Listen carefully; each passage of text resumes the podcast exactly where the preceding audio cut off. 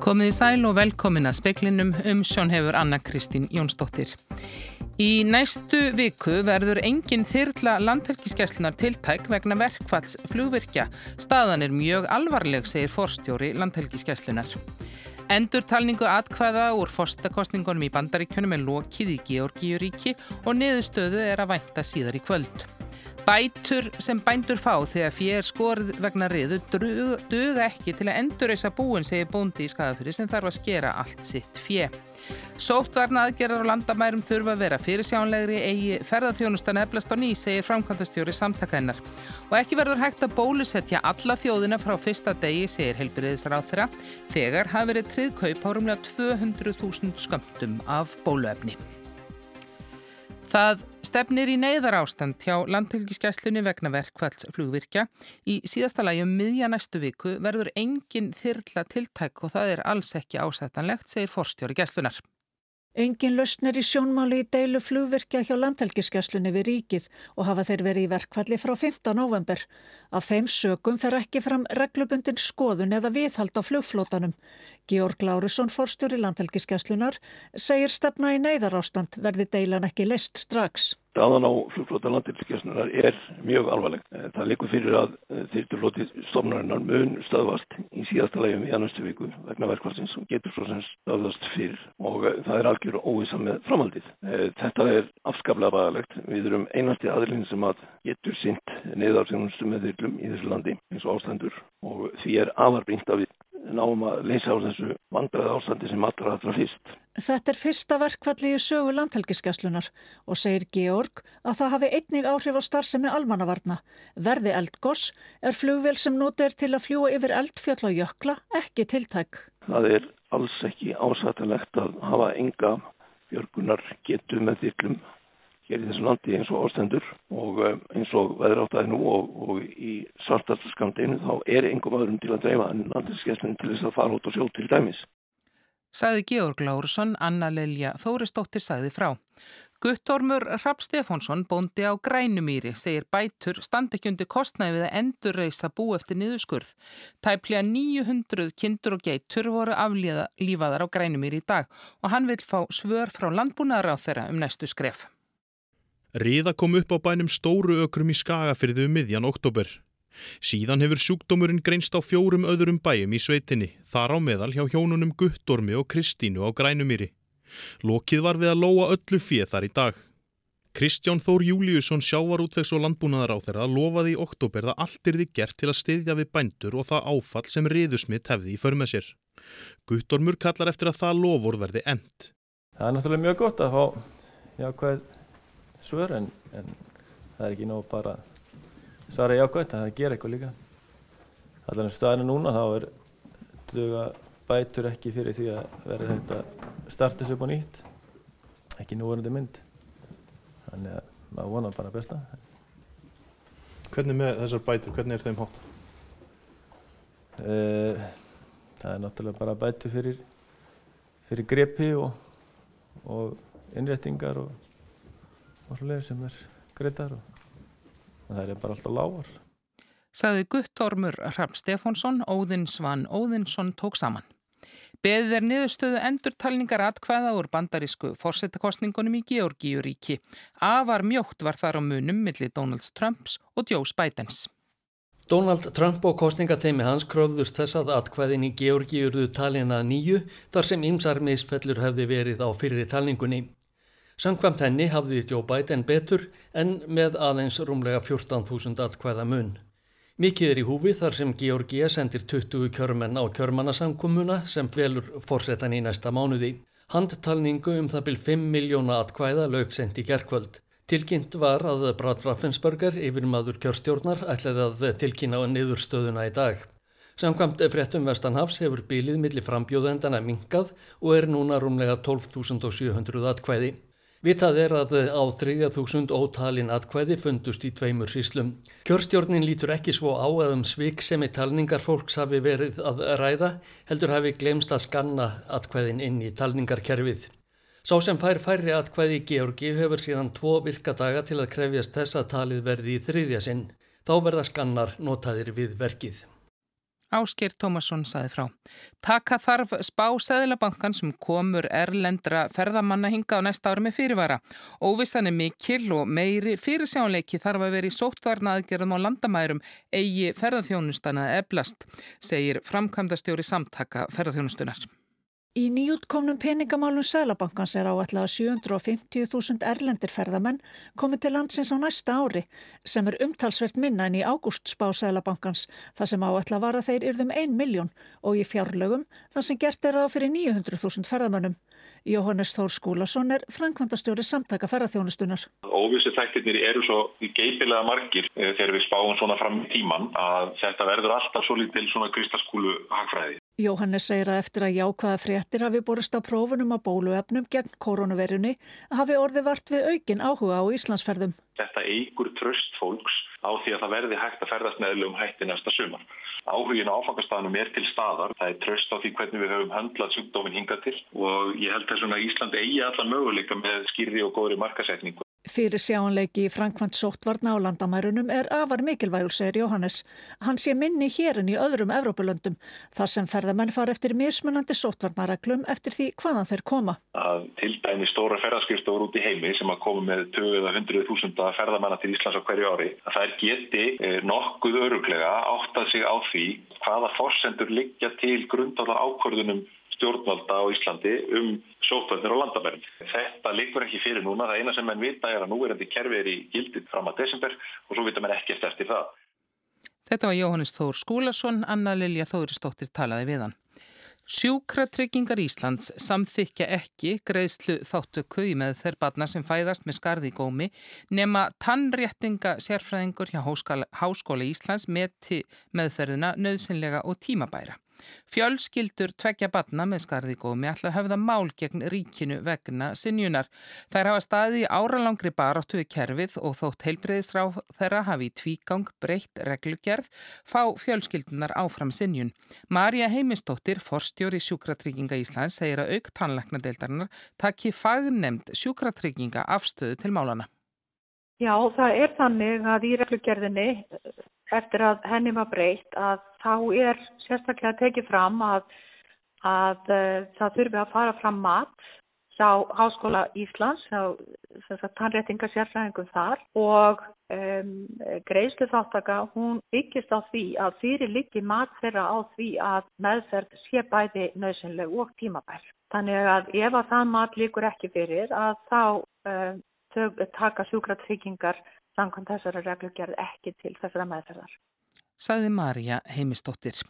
Klara Bjartmars, framkvæmdastjóri KSI, segir að sambandið búið sig undir að 21 árslið Karla fari á EM á næsta ári en sé beðið niðurstöðu frá Evrópska sambandinu vegna leiks Íslands og Armeníu sem var frestað. 21 árslið Karla á annað sæti undan riðil síns víst eftir leiki gerkvöldsins í riðlinum.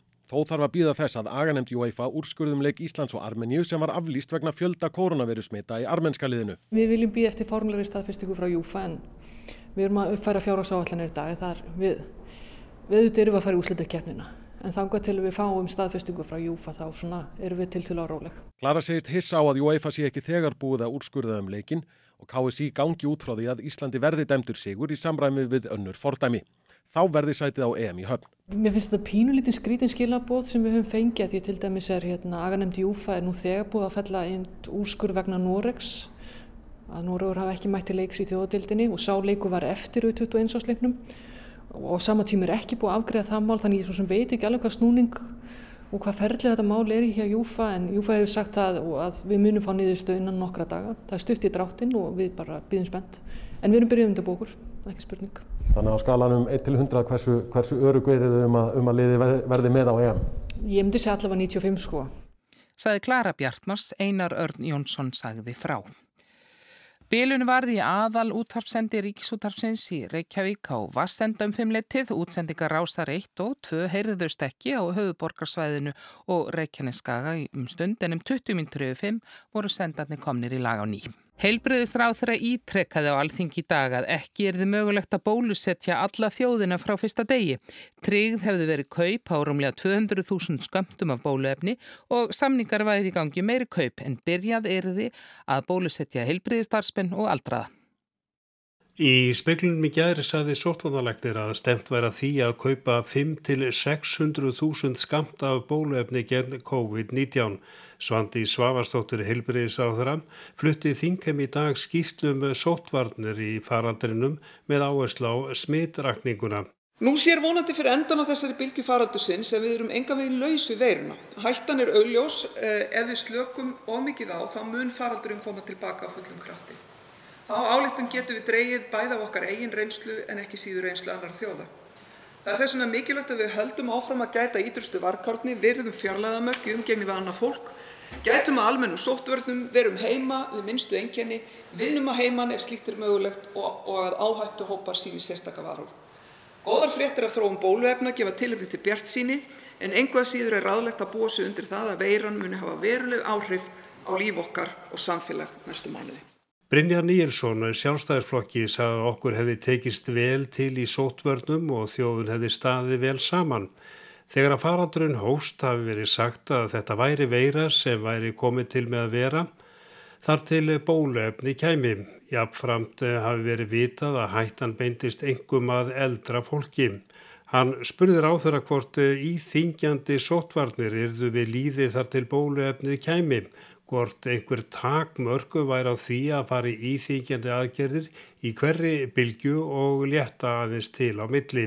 Og jáfnframt vil ég gerna fá að vita hvort að, að því að menn vissu hvernig þetta var afmarkað við ákveðna hópa og þetta kemi aftur að einhverja hugmyndir eða aðgerðir hafi verið í, í, í, í farvatninu um það að einblín á þá hópa við að, að verja þá sérstaklega í staðin fyrir að fara í svona mjög almennar og íþingjandi. Því einhver mörg eru hljóta að vera á þessu. Svandís var ekki saman á því að í upphafi faraldursins hefði verið vitað að ekki er ráðið við hann nema með bólusetningum. Hún rifjaði upp að í vetur hefði það verið trúmargra að veiran yrði hér í 10 til 12 vikur. Og svo hefði henni verið, hún verið einfallega baki. Þannig að þegar við byrjum okkar glímu við veirina og ég held að allir muni eftir því að þá voru við þeirrar trúar að það dygði okkur að snúa bökum saman og við myndum keira í gegnum þetta og svo í sumar að þá er þetta allt aftur eins og venjulega. Nú var í ljósta að þetta tæki lengri tíma og að bóluefni þurfi til að hveða veiruna niður.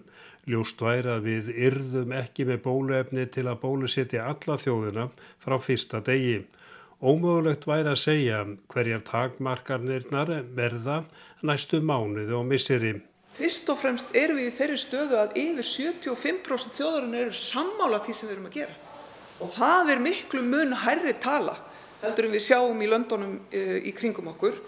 Þannig að ég tel að uh, Íslands samfélag sé tilbúið til þess að ljúka við baráttuna uh, við COVID-19 með sóma eins og við höfum gert hinga til, þanga til við ráðum niðurlögumennar með bólusetnum. Ásmundur Fririksson, sjálfstæðisflokki, sagði að hann stitti þar aðgerið sem ráðist hefði verið í og spurði ráð þeirra. Virðuleg fósiti, í ljósi óvissunar og þekkinskost okkar er ósangjant að ég spyrir ráð þeirra.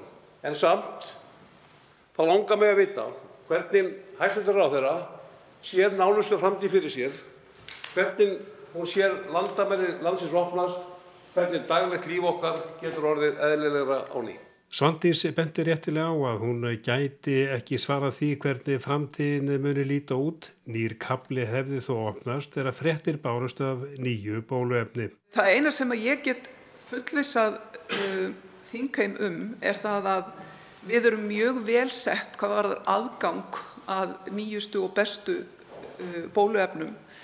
Um, við höfum þegar tryggt okkur aðgang að yfir 200.000 skamtum þegar þeir verða tilbúnir og erum á leiðinni með samninga við uh, þrjú eða fjögur önnur fyrirtæki. Um, en hins vegar þýðir það ekki það að allir þessi 200.000 skammtar komi til landsins á sama tímapunkti. Við vitum það og við höfum raðað upp einhvers konar drögum að forgámsöðun þar sem við, við erum með heilbriðstarfsfólki okkar sem að er að vinna á COVID-deildunum, gjörgjastunum og svo framvegs og við erum með eldra fólk sem myndi augljóslega njóta forgangs.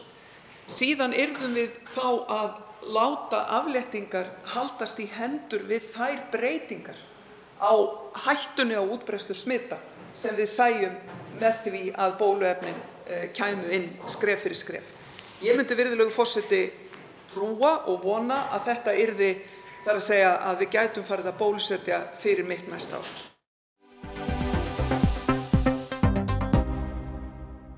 Röskun á daglegu lífi og ekki síst skólastarfi vegna kórunveru faraldursins hefur haft mikil áhrif á líðan og tilveru badna. Í stöðugt ríkari mæli snúaðu sér til umbóðsmanns badna en erindin eru margvísleg. Eitt af því sem við sjáum núna til dæmis í sambandi við erindi frá börnum að þau eru að eh, velta fyrir sér eða spyrja um samskipti til dæmis við foreldra og heimili því að nú er þetta augljóst að börn og fóreldrar eru meirið saman og þá kannski verður núningur um ymsa hluti, kannski til dæmis klassist verkefni er að, er að e, skjáttími barna og hversu mikill hann er að vera og, og þau eru að spurja um það til dæmis. Við sjáum svo líka, reynum auðvitað líka svolítið að fylgjast með hvað er að gerast í samfélaginu og við sjáum að og höfum auðvitað heyrt af því að, að það eru meira um barnavendatilkynningar, það eru fleiri sem ringja í hjálpasíma Rauðakrossins og tilvikin eru alvarlegri. Og það er meira ála hjá uh, Bergin Headspace bara svona til að nefna dæmi. Og allt er þetta mjög svona merkið þess að, að, að við þurfum að, að huga að andleri líðan barna segir Salfur Nordal umbóðsmaður batna. Hún segir að til dæmis hafi börn sem snúi sér til ennbætsins talaðum að leggja þurfi meira áhersla á andlega líðan og velferð í skólanum, aðgangað sálfræði þjónustu og bjargráðum. Batnasáttmálinn hveður á um rétt til mentunar og Salfur segir gríðara mikilvægt að börn geti farið í skóla. Hann er gríðastafi fyrir mörg börn og það er mjög mikilvægt að, að, að skólanir séu opnir eins, mjög, eins og mögulegt er og við höfum auðvitað séð að ég nú bara var, var að koma af netfundi eh, samtaka evróska hérna, umbásmannabanna og við í Evrópu náttúrulega voru skóla lokaðir mjög lengi og þetta er auðvitað mjög alvarlegur hlutur. Og það hefur verið til dæmis verið að tala um það annar staðar að, að, að e, mikið væði þess að, að, börn til dæmis hafi sko aðgangað að mötunautum í skóla og fyrir þá sem kannski standa félagslega lagar Þannig að við, sko, skólinn er svo margt, hann er félagslega skiptið svo miklu máli og uh, fyrir utan mentununa þá er það bara þessi félagslegi þáttur og, og eins líka það að það sé hægt að, að sjá hvernig þeim líður og, og það eru auðvitað margar, til dæmis barnavendatilkynningar koma auðvitað gegnum skólakerfið. Skólatnir og ekki síst framhaldsskólatnir hafa orðið að fara mismunandi leiðir vegna ytri aðstæðna segja Salfur. Í yngri bekkjum framhaldsskóluna eru börn sem eru undir 18 ára aldri. Þeir nefnendur hafa flestir verið að mestu í fjarkenslu frá því í vor. Nú er sem betur fer víðast verið huga því hvernig megi breyta því. Þetta er auðvitað mjög viðkvæmur aldur og við vitum það að, að það hefur verið talsvert um brottfall í framhaldsskólanum á síðustu árum og það er búið að tala mikið um það. Og nú er náttúrulega spurningi hvernig þessum árgangum reyðir af í, í þessa, þessu árferði. Og eitt af því sem við kannski höfum eh, verið líka fjalla mikið um á undarföldinu er það að skortir svolítið yfirsýn, yfir stöðu barna. Og það eru verið að sapna jú gögnum kannski hér og þar en það er kannski engi sem hefur nógu góða yfirsýn og við þurfum að fylgjast mjög vel með því núna hver áhrifin eru bæ, áböð bæði svona til skamstíma og til lengri tíma. Og þá velta fyrir okkur hvernig getum við brúðist við þegar við sjáum að það eru teknolófti um til dæmis meiri vanliðan, meira brottfall og jáfnveil meiri skólaforðun í grunnskóla Þannig, og það er annað atrið sem, sem, hefur, sem betur fyrir farið að tala meira um og, en við okkur skortir þar líka talsvert bara vittneski um það hversu umfóngsmikil er þessi skólaforðun, eh, hvers vegna er hún og hvernig er hægt að bregast við henni. Við getum líka séð þetta og, og við söpnum uh, frásögnum frá börnum í, í vor og í, í grunnskólanum og fengum heilmikið frá börnum og og við sjáum auðvitað sko að þau náttúrulega er að velta fyrir sér erfið, erfið, erfiðar lokanir í skólanum eða takmarkanir og e, að fá ekki umgangast e, vinið sína og, en það voru líka í ákvæðin hlutir eins og til dæmis meiri samvera í fjölskyldunni. Og sumum börnum auðvitað hendar vel að vera meira heima og vinna meira heima. Og það getur verið að við getum þá líka mætt kannski þeim hópi sem kannski í framtíðinu betur sem er að glíma við skólaforðun þannig að þau geti þá eh, unni meira heima heldur en þau hafa gert, fengið svona almennt að gera hinga til. Haustið hefur eins mörgum erfitt og vísmyndingar eru um að mörgum líði verð nú en í vor. Ákveðin kannski svo líka við þessi vonbreyði í haust að, að þetta skildi koma aftur og við þurftum aftur að fara svona í, í kannski sömu för eða að, að því sem næst þess að var í vor.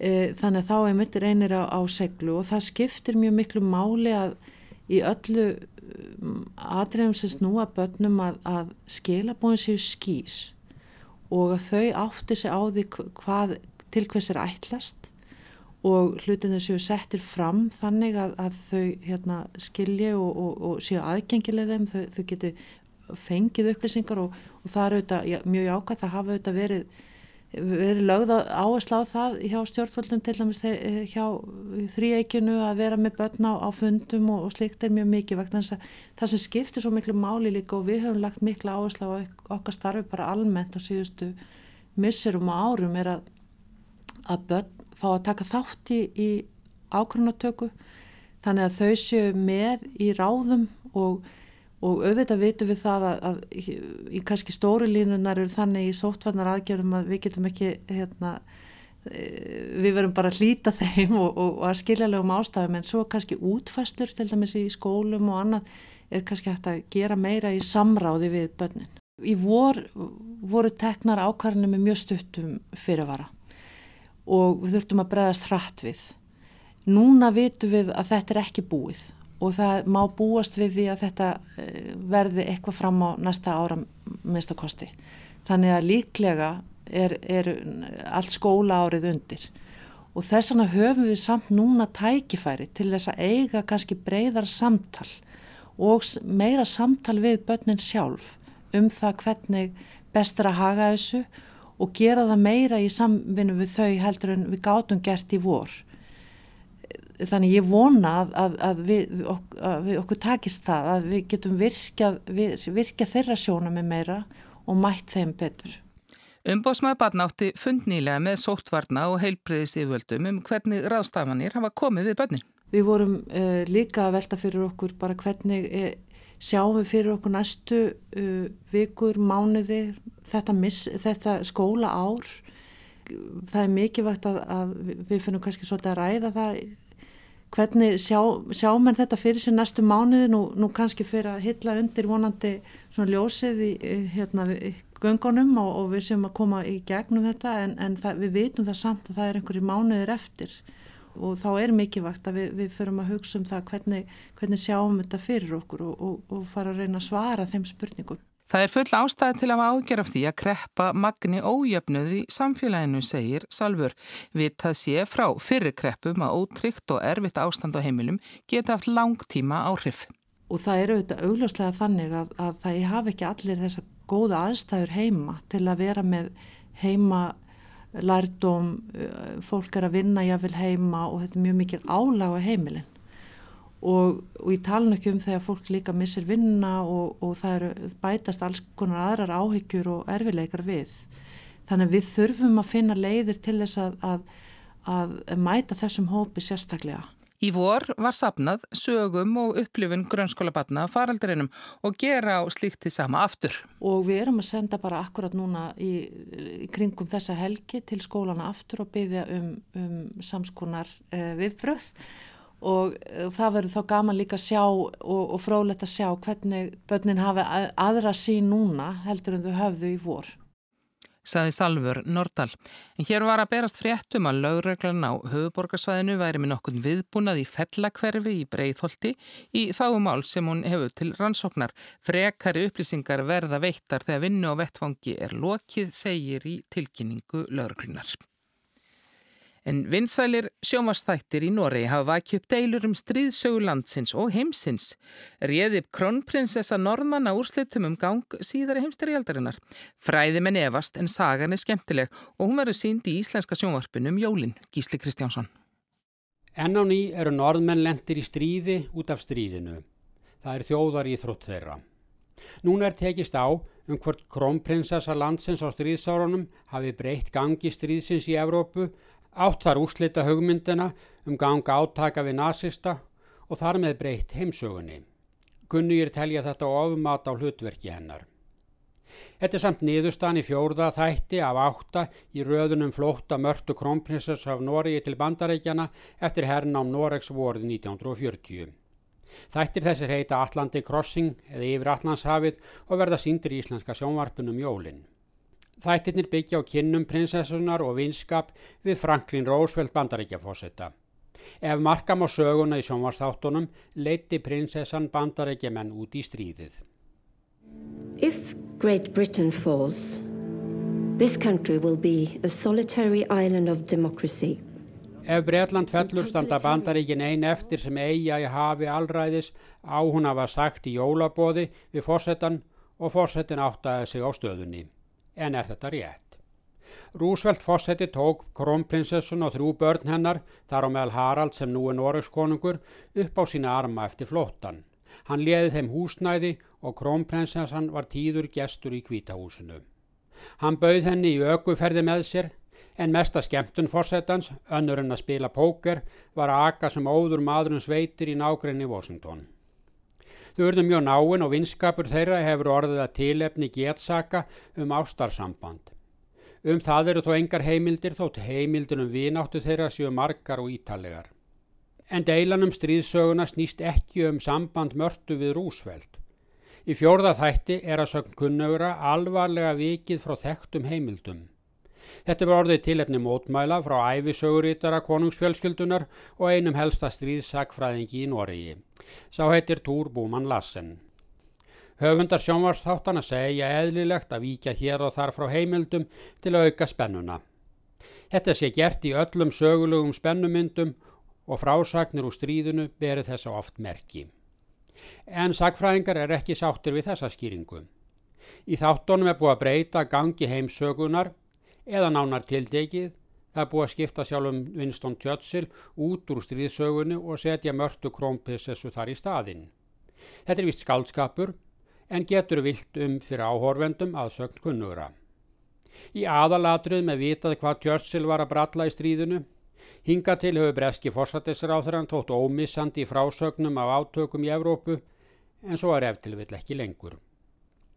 Málið snýst nákvæmlega um hvernig Rúsveld fósetti fekk þá hugmynd að lána og leia stríðsþjóðum þjóðum í Evrópu, hergögn og skip í staðis að selja þeim dótið. Öllu átt að skila eftir stríð. Bandaríkin voru enn hlutlaus og ekki þáttakendur í stríðinu. Hugmynd fórsetnans um lán og leigu í áslögt 1940 var leið hans fram hjá hlutleysinu.